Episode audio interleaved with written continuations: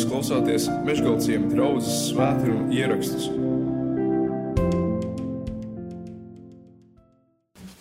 Tātad, kā jau es teicu, mēs turpinām to sēriju par dieva darba biedriem. Jo bieži vien mums ir tāda sajūta, es tā domāju, arī man tai skaitā, eh, ka kas nu, kas nu es tāds esmu? Kas nu es tāds esmu salīdzinot ar eh, apustuli Pāvilu vai ar Apollu, par ko jau arī mēs esam runājuši, kurš bija ļoti daļrunīgs. Kas es esmu salīdzinājumā ar, eh, ar bīskapu? Kas es esmu salīdzinājumā ar Jāni Vanagu? Kas nu es tāds esmu? Mēs vienmēr varam atrast kādu, pie kura uh, salīdzināties un teikt, nu es jau nu nekas tāds neesmu. Ne? Lai tie lielie onkuļi, lai tie ir tie kalpotāji, lai tie ir tie dieva darba darītāji. Bet tad, kad mēs lasām cauri Bībelē un ieraugam šos vārdus, kuri arī tiek nosaukti par Dieva darba biedriem, tad bieži vien mēs varam ieraudzīt to, ka viņi bija tieši tādi paši kā mēs, ar, ar visām nepilnībām. Un tomēr viņi lietoja to dāvanu vai tās dāvanas, kuras Dievs viņiem dzīvē bija devis. Ne par velti es sākumā jums jau prasīju, nu, Ko jums izsaka vārds Jānis Marks? Vai jūs esat Bībelē pamanījuši par tādu cilvēku? Ja? Un tas nav nekas neparasts, ka šis cilvēks nav nemaz tādā priekšplānā. Es atceros, pirms ļoti daudz gadiem klausījos kādā, kāda intervija. Es neatceros, diemžēl, kas tas bija par teātru režisoru, bet viņš stāstīja par aktrisi Daci Bonāti, ko jūs atceraties, vai zinat vismaz pēc vārdu, ne? tāda arī ievērojama aktrise, bet viņa nekad nav bijusi tāda, nu, man šķiet, pirmo lomu spēlētāja, vai ne? Un viņš saka, vienreiz pēc mēģinājuma, man šķiet, tas bija gadījums, ka viņš iet tā kā pāri skatuvēji, kurš tikko ir bijis mēģinājums, visi aktieri izklīduši, viņš iet pāri skatuvēji un dzird, ka kāds šņuks, kāds raud, ja? un viņš skatās apkārt un viņš neredz, no kurienes tās skaņas nāk. Un pēc kāda laika viņš tik ierauga, ka pašā skatuves centrā zemē sakņupusi Daca Bonāte ja, un šņukst. Viņa turpat pašā centrā ir, bet, ne, bet viņu nevar pamanīt. Ir zilonis telpā, kur neredz, ja, varētu teikt. Ar, ar, ar Jāni Marku ir līdzīgi. Viņam ir ļoti izteikta dieva dāvana būt palīgam. Viņš ir izdarījis ļoti daudz, ja mēs tā skatāmies jaunās derības kontekstā, bet tas viss ir bijis tikpat kā nemanāmi. Marka evaņģēlīju taču mēs visi zinām. Bet tas nebija tas, kas mums uzreiz varbūt ienāca prātā, kad tu dzirdi vārdu Jānis Marks. Jānis Marks bija palīgs Pāvilam, lielajam apustulim Pāvilam.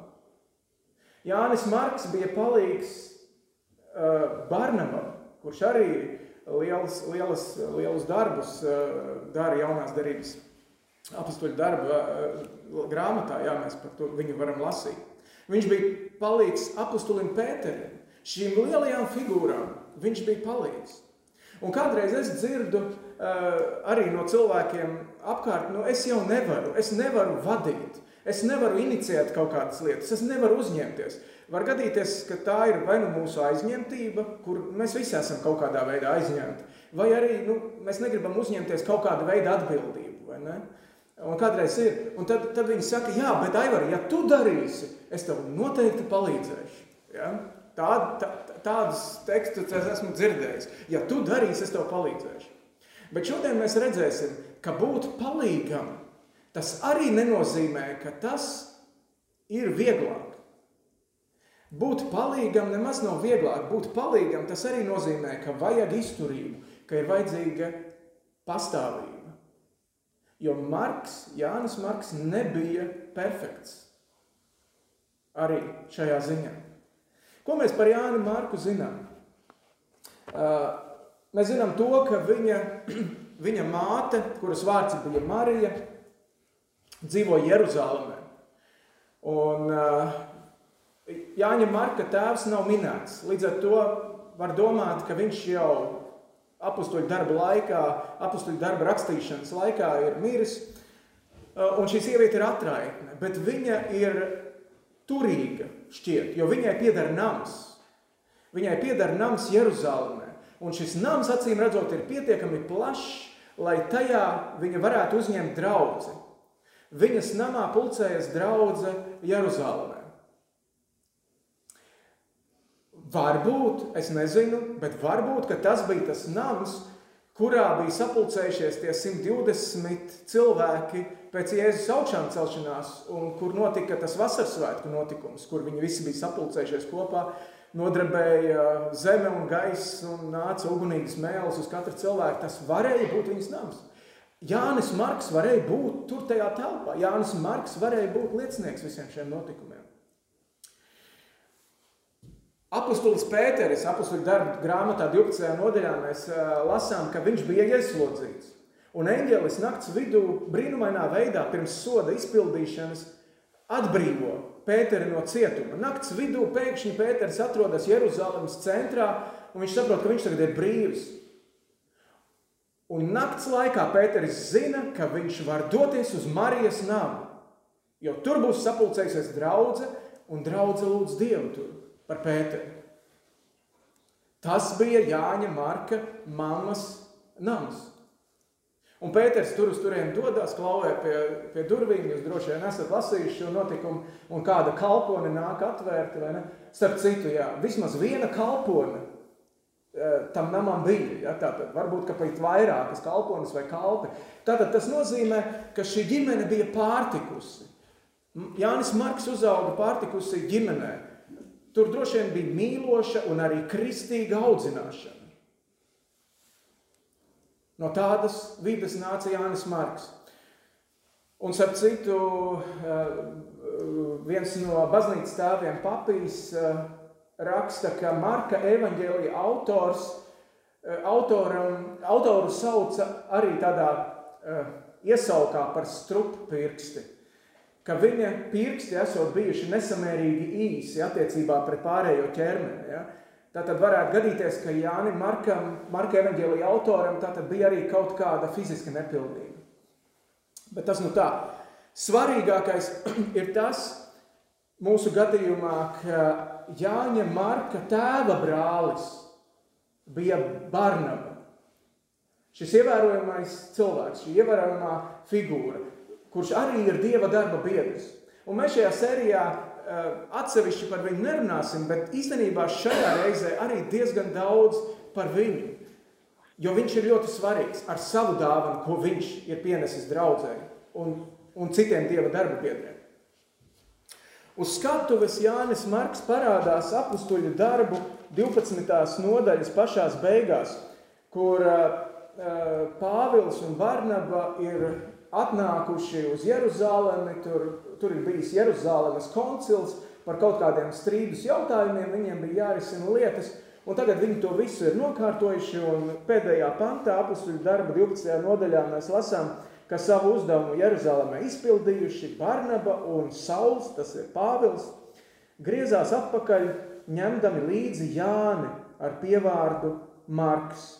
Tātad šajā brīdī uh, tēva brālis Barnaba paņem šo savu brāļa dēlu Jāni Marku no Jeruzālēmas un aizved uz Antiohiju Sīrijā, uz to draudzi. Un tad, kad eh, jau nākamajā nodaļā, to, ko jau Jānis lasīja, apakstuļu darbu 13. nodaļā, tur jau ir aprakstīts, eh, ka Antiohijas draudzē bija vairāki pravieši un mācītāji, un tad Svētais Gars saka, es gribu Pāvilu un Barnabu izsūtīt speciālā kalpošanā. Viņi, eh, viņi, tiek, viņi dodās pirmajā misijas ceļojumā, ārpus savas draudzes. Un, un viņi, viņi dodas uz Kipru, jo Barnaba ir kiprietis. Un tas ir interesanti. Viņš dodas uz to vidi, ko viņš pazīst. Viņš saka, Pāvils, ja mēs nezinām, kur iet, ejam uz Kipru. Es zinu šo vidi un zinu šo vietu. Viņi dodas uz Kipru, un Jānis ir viņiem līdzi kā palīgs.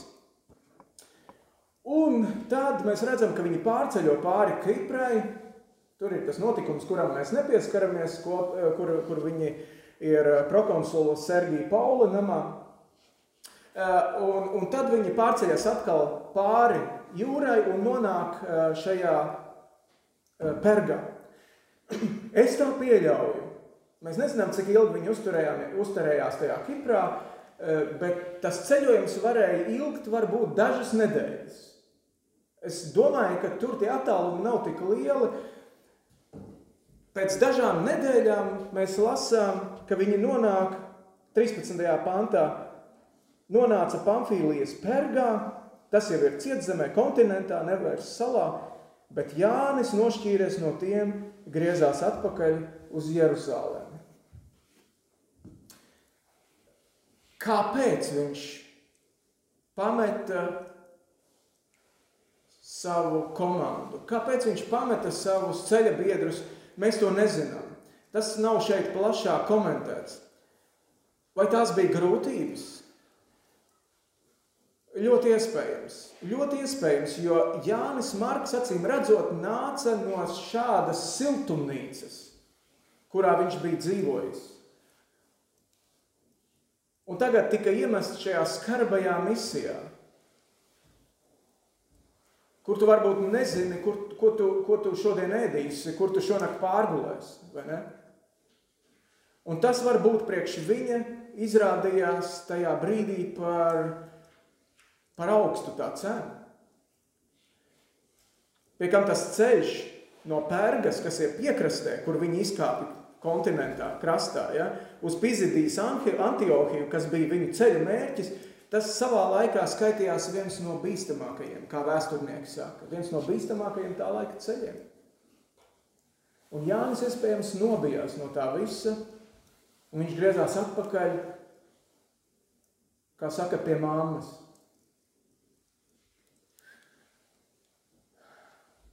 Apmēram trīs gadus vēlāk tas varētu būt, kad Pāvils un uh, Barnaba taisās savā otrajā misijas ceļojumā. Un mēs to varam izlasīt 15. nodaļā, beigās no 36. panta. Pēc dažām dienām Pāvils un uh, sacīja Barnabam, iesim atkal un visās pilsētās, kur mēs tā kunga vārdu esam sludinājuši, apraudzīsim brāļus, kā tiem klājas. Un tad Barnaba gribēja ņemt līdzi Jāni, sauktu Marks, savu brāļa dēlu. Bet Pāvils negribēja ņemt līdzi tādu, kas Pamfīlijā bija no viņiem nošķīries un nebija viņiem gājis darbā līdzi. Redziet, izrādījās, ka šiem lielajiem dieva darba biedriem Marka jautājums, Marka personības jautājums bija ļoti principiāls. Vai nu vai? Un kas notiek? 39. pāntā lasām, tad radās sarūktinājums tā, ka viņi viens no otra šķīrās. Un Barnaba ņēma līdzi Marku un pārcēlās uz Kipru, atkal uz Kipru. Pāvils izvēlējās Sīlu, vienu citu ceļa biedru, bet Barnaba, un te ir svarīgi ieraudzīt to, ka Barnaba, viņa vārds tiek tulkots kā iedrošinātājs, iedrošinājuma tēls. Viņa ļoti spēcīga dāvana bija iedrošināt. Barnaba Pāvilam pašam kādreiz bija iedrošinātājs. Tad, kad Pāvils bija atgriezies uh, un saticis Jēzus Damaskas ceļu, kurš viņš, kurš bija vajātājs, draudzes plosītājs un postītājs, tajā brīdī viņš atgriezās un kļuva par Jēzus mācekli. Neviens neticēja tam, ka šis te slepkava tagad varētu sludināt evaņģēliju. Un visi no viņa tā kā atrāvās. Pat tik tālu, ka Pāvils bija spiests doties vai ne uz savu tur dzimto pilsētu projām. Ja? Projām no visām, no Jeruzālēmas, no centra un tā tālāk. Un Barnabe bija tas, kurš viņu sameklēja un atveda uz to Antiohijas draudzu un teica, tu mums esi vajadzīgs. Ja? Un viņš iepazīstināja, viņš atvēra visas durvis Pāvila priekšā draudzē. Ja? Tas bija Barnabas uh, nu, dāvana, kuru viņš lietoja. Un šeit Barnaba iedrošinātājs atkal dod Markam otru iespēju. Viņš saka, es tev gribu dot otru iespēju. Nāc, iesim. Un tā nu vienas komandas vietā ir divas komandas. Pāvils ar Sīlu un uh, Barnaba ar Marku. Apustuļu darbos Jānis Marks vairāk neparādās. Viņš tikai parādās vēlāk, tad, kad uh, tiek rakstītas vēstules. Un tas jau ir kādi 10, 15 gadi apmēram no šiem notikumiem. Pēteris savas pirmās vēstules pašās beigās, kad viņš jau sūta sveicienus, tad viņš raksta, viņš, viņš nodod šos sveicienus arī no Marka. Un Pēteris tajā brīdī ir, ir Romā. Marks tā tad ir viņam līdzās. Marks ir kopā ar Pēteri Romā. Un atkal šis pats baznīcas tēvs papīs saka, ka Marks bija Pētera tulks. Viņš kalpoja Pēterim. Un tad, kad Pēteris mira, tad Marks sāka pierakstīt savu evaņģēliju. Būtībā Marka evaņģēlijs ir Pētera atmiņas. Tas ir Pētera stāsts, ko Marks ir pierakstījis, būdams kopā ar Pēteru. Kolosiešu vēstulē arī beigās sveicienos Pāvils. Pāvils sēž cietumā, ļoti iespējams, ka arī Romā. Un tur var redzēt, ka viss bijušais, kas starp viņu un Marku ir bijis, tas viss ir nolīdzināts, piedots un aizmirsts. Tajā brīdī viņi ir kopā. Un viņš saka kolosiešiem, ka viņš grib Marku sūtīt, un ja Marks nonāks līdz jums, ņemiet viņu pretī, pieņemiet viņu.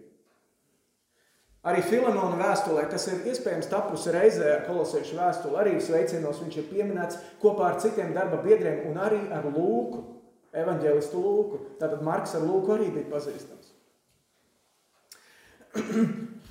Bet es gribu pieminēt Pāvila paša pēdējo vēstuli. Un tā ir otrā vēstule Timotejam, kur jau Pāvils tā kā varētu teikt jau nu jā, atvadās, dod, dod pēdējos norādījumus. Tad šajā pēdējā vēstulē, Pāvila otrā vēstulē Timotejam 4. nodaļā, 11. pantā.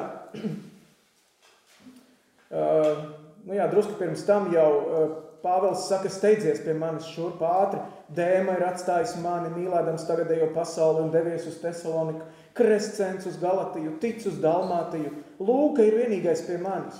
Un tad viņš saka, Marku ņem un atved sev līdzi, jo viņš ir man ļoti noderīgs kalpošanai. Tas cilvēks, kam, Pēter, kam Pāvils pirms 20 gadiem apmēram bija teicis kategorisku nē, šitais nodevējs, kurš mūs atstāja un nenāca līdzi darba grūtībās, nekādā gadījumā nekas ar viņu vairs kopīgs. Par to viņš tagad saka, viņš man ir ļoti noderīgs kalpošanai. Ļoti noderīgs, ļoti vajadzīgs. Redziet, ja mums ir kādas domstarpības ar kādu cilvēku, tad šī lieta rāda, ka tā tam nav jāpaliek uz visiem laikiem. Tā tam nav jāpaliek.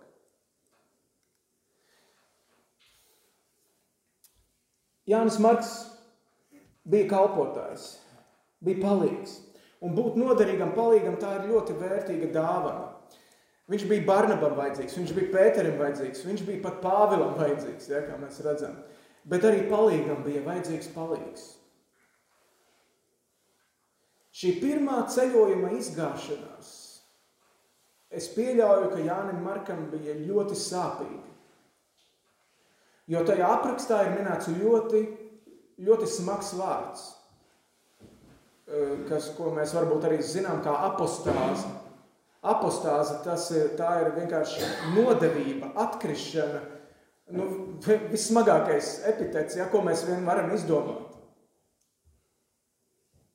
Jānis, Jā, pret Jānis Marku šis vārds tika lietots.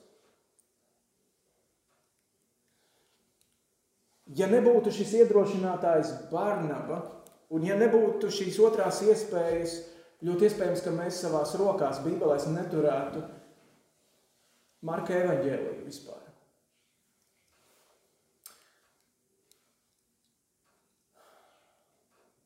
Mēģinot izprast Jāni Marku, man šķiet, ka pavisam citādāk skan vārdi, kurus Marks savā evaņģēlīja centrālajā daļā ieraksta. Ja jūs ātri varat atšķirt Marka desmito nodaļu, Marka evaņģēlīja desmitā nodaļā, tur jau Jēzus atrodas ceļā uz Jeruzālēm. Jēzus jau zina, kas viņu sagaidīs tur. Jēzus dodas krusta virzienā.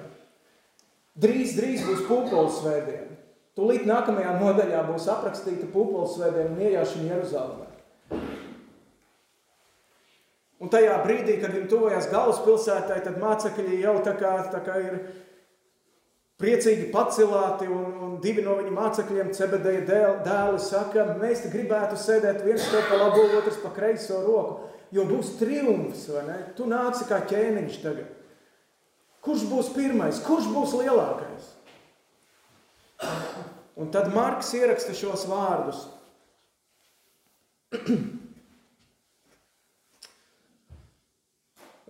Desmitā nodaļa, 44. 45. pāns, ko Jēzus viņiem atbild.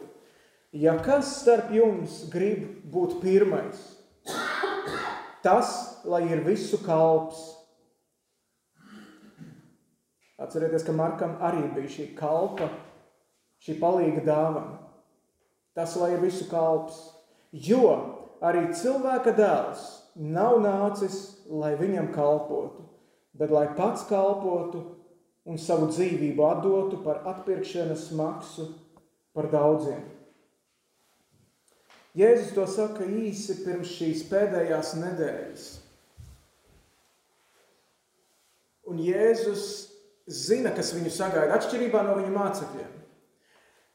Un Jēzus ir gatavs un iet, iet un izpildīt savu uzdevumu līdz galam. Es nezinu, kā Jānis Marks dzīvoja tos apmēram trīs gadus pēc pirmā, pēc pirmā ceļojuma un pēc tās izgāšanās. Es nezinu, kā Jānis Marks dzīvoja tos trīs gadus līdz otrajai iespējai, kas viņam tika dota. Un tāda otra iespēja varēja arī nepienākt viņa dzīvē īstenībā. Vai viņu mocīja sirdsapziņas pārmetumu? Vai viņš šaustīja sevi par tām nepareizajām izvēlēm, ko viņš ir izdarījis? Vai viņu bija pārņēmušas tās mazvērtības sajūtas? Droši vien arī kaut kas no tā visa varēja būt. Taču viņš varēja arī domāt citādāk. Varēja būt, ka viņš varēja domāt arī tā, ja jau Dieva dēls kalpoja man un sevi deva par izpirkuma maksu, par manu grēku, par manu gļēvulību, par manām nepareizajām izvēlēm, tad arī es kalpošu līdz galam tad arī es būšu noderīgs debesu valstībai. Jēzus pie krusta izdzēsa visu manu grēku kredītu, kur es biju parādā. Ja būs otrā iespēja, es noskriešu līdz galam.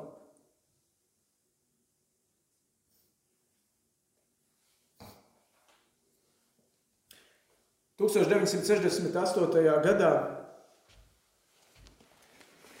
Olimpiskās spēles notika Meksikā. Un, eh,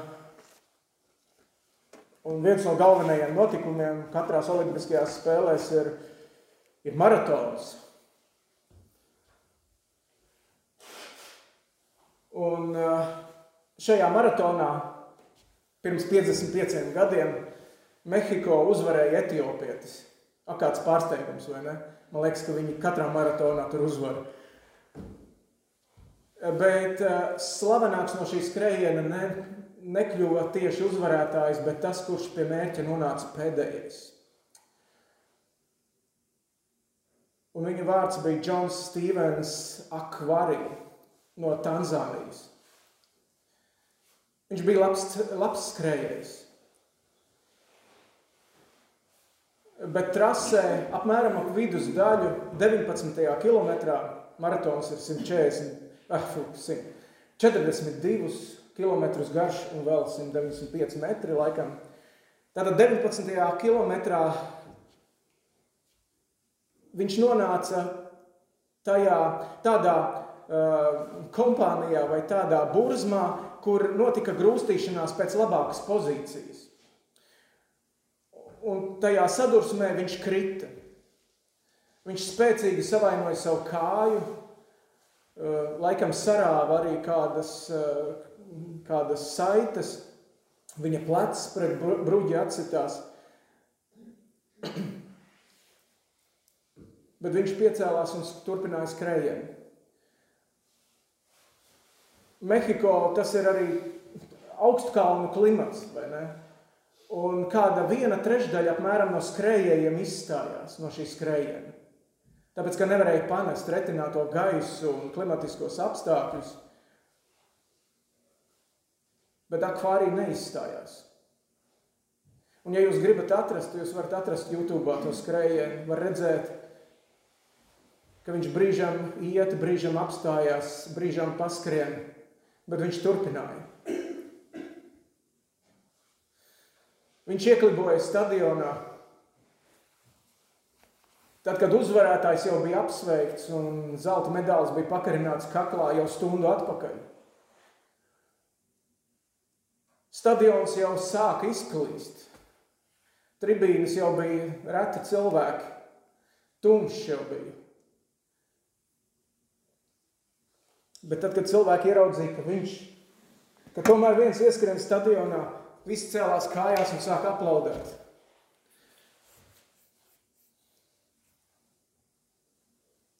Viņš noskrēja savu distanci. Un tad, kad vēlāk viņam prasīja, kāpēc tu neizstājies, kāpēc tu sev mocīji, tad viņš atbildēja tādus vārdus. Mana zeme nesūtīja mani 5000 jūdzes, lai es sāktu skrējienu. Viņi mani sūtīja 5000 jūdzes, lai es to pabeigtu.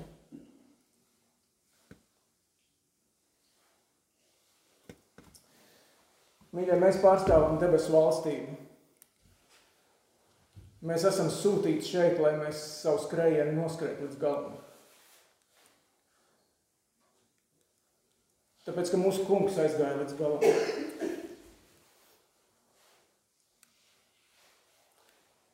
Un varbūt, ka kādam no jums ir vienkārši vajadzīga otrā iespēja.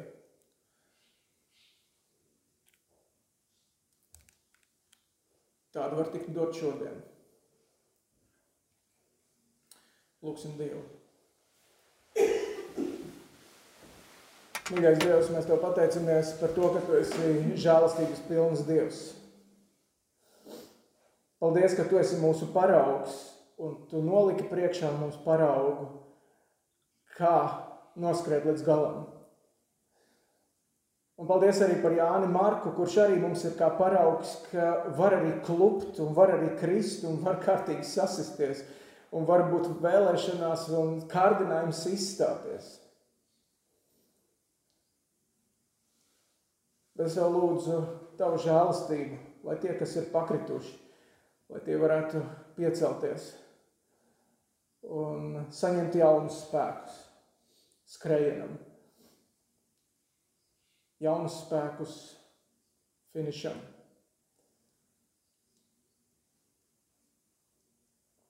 Paldies Tev, ka Tu gaidi līdz pēdējiem, kad ieklibos pēdējais tavs bērns šķērsos finiša līniju. Tava žēlstība ir liela. Paldies! Amen!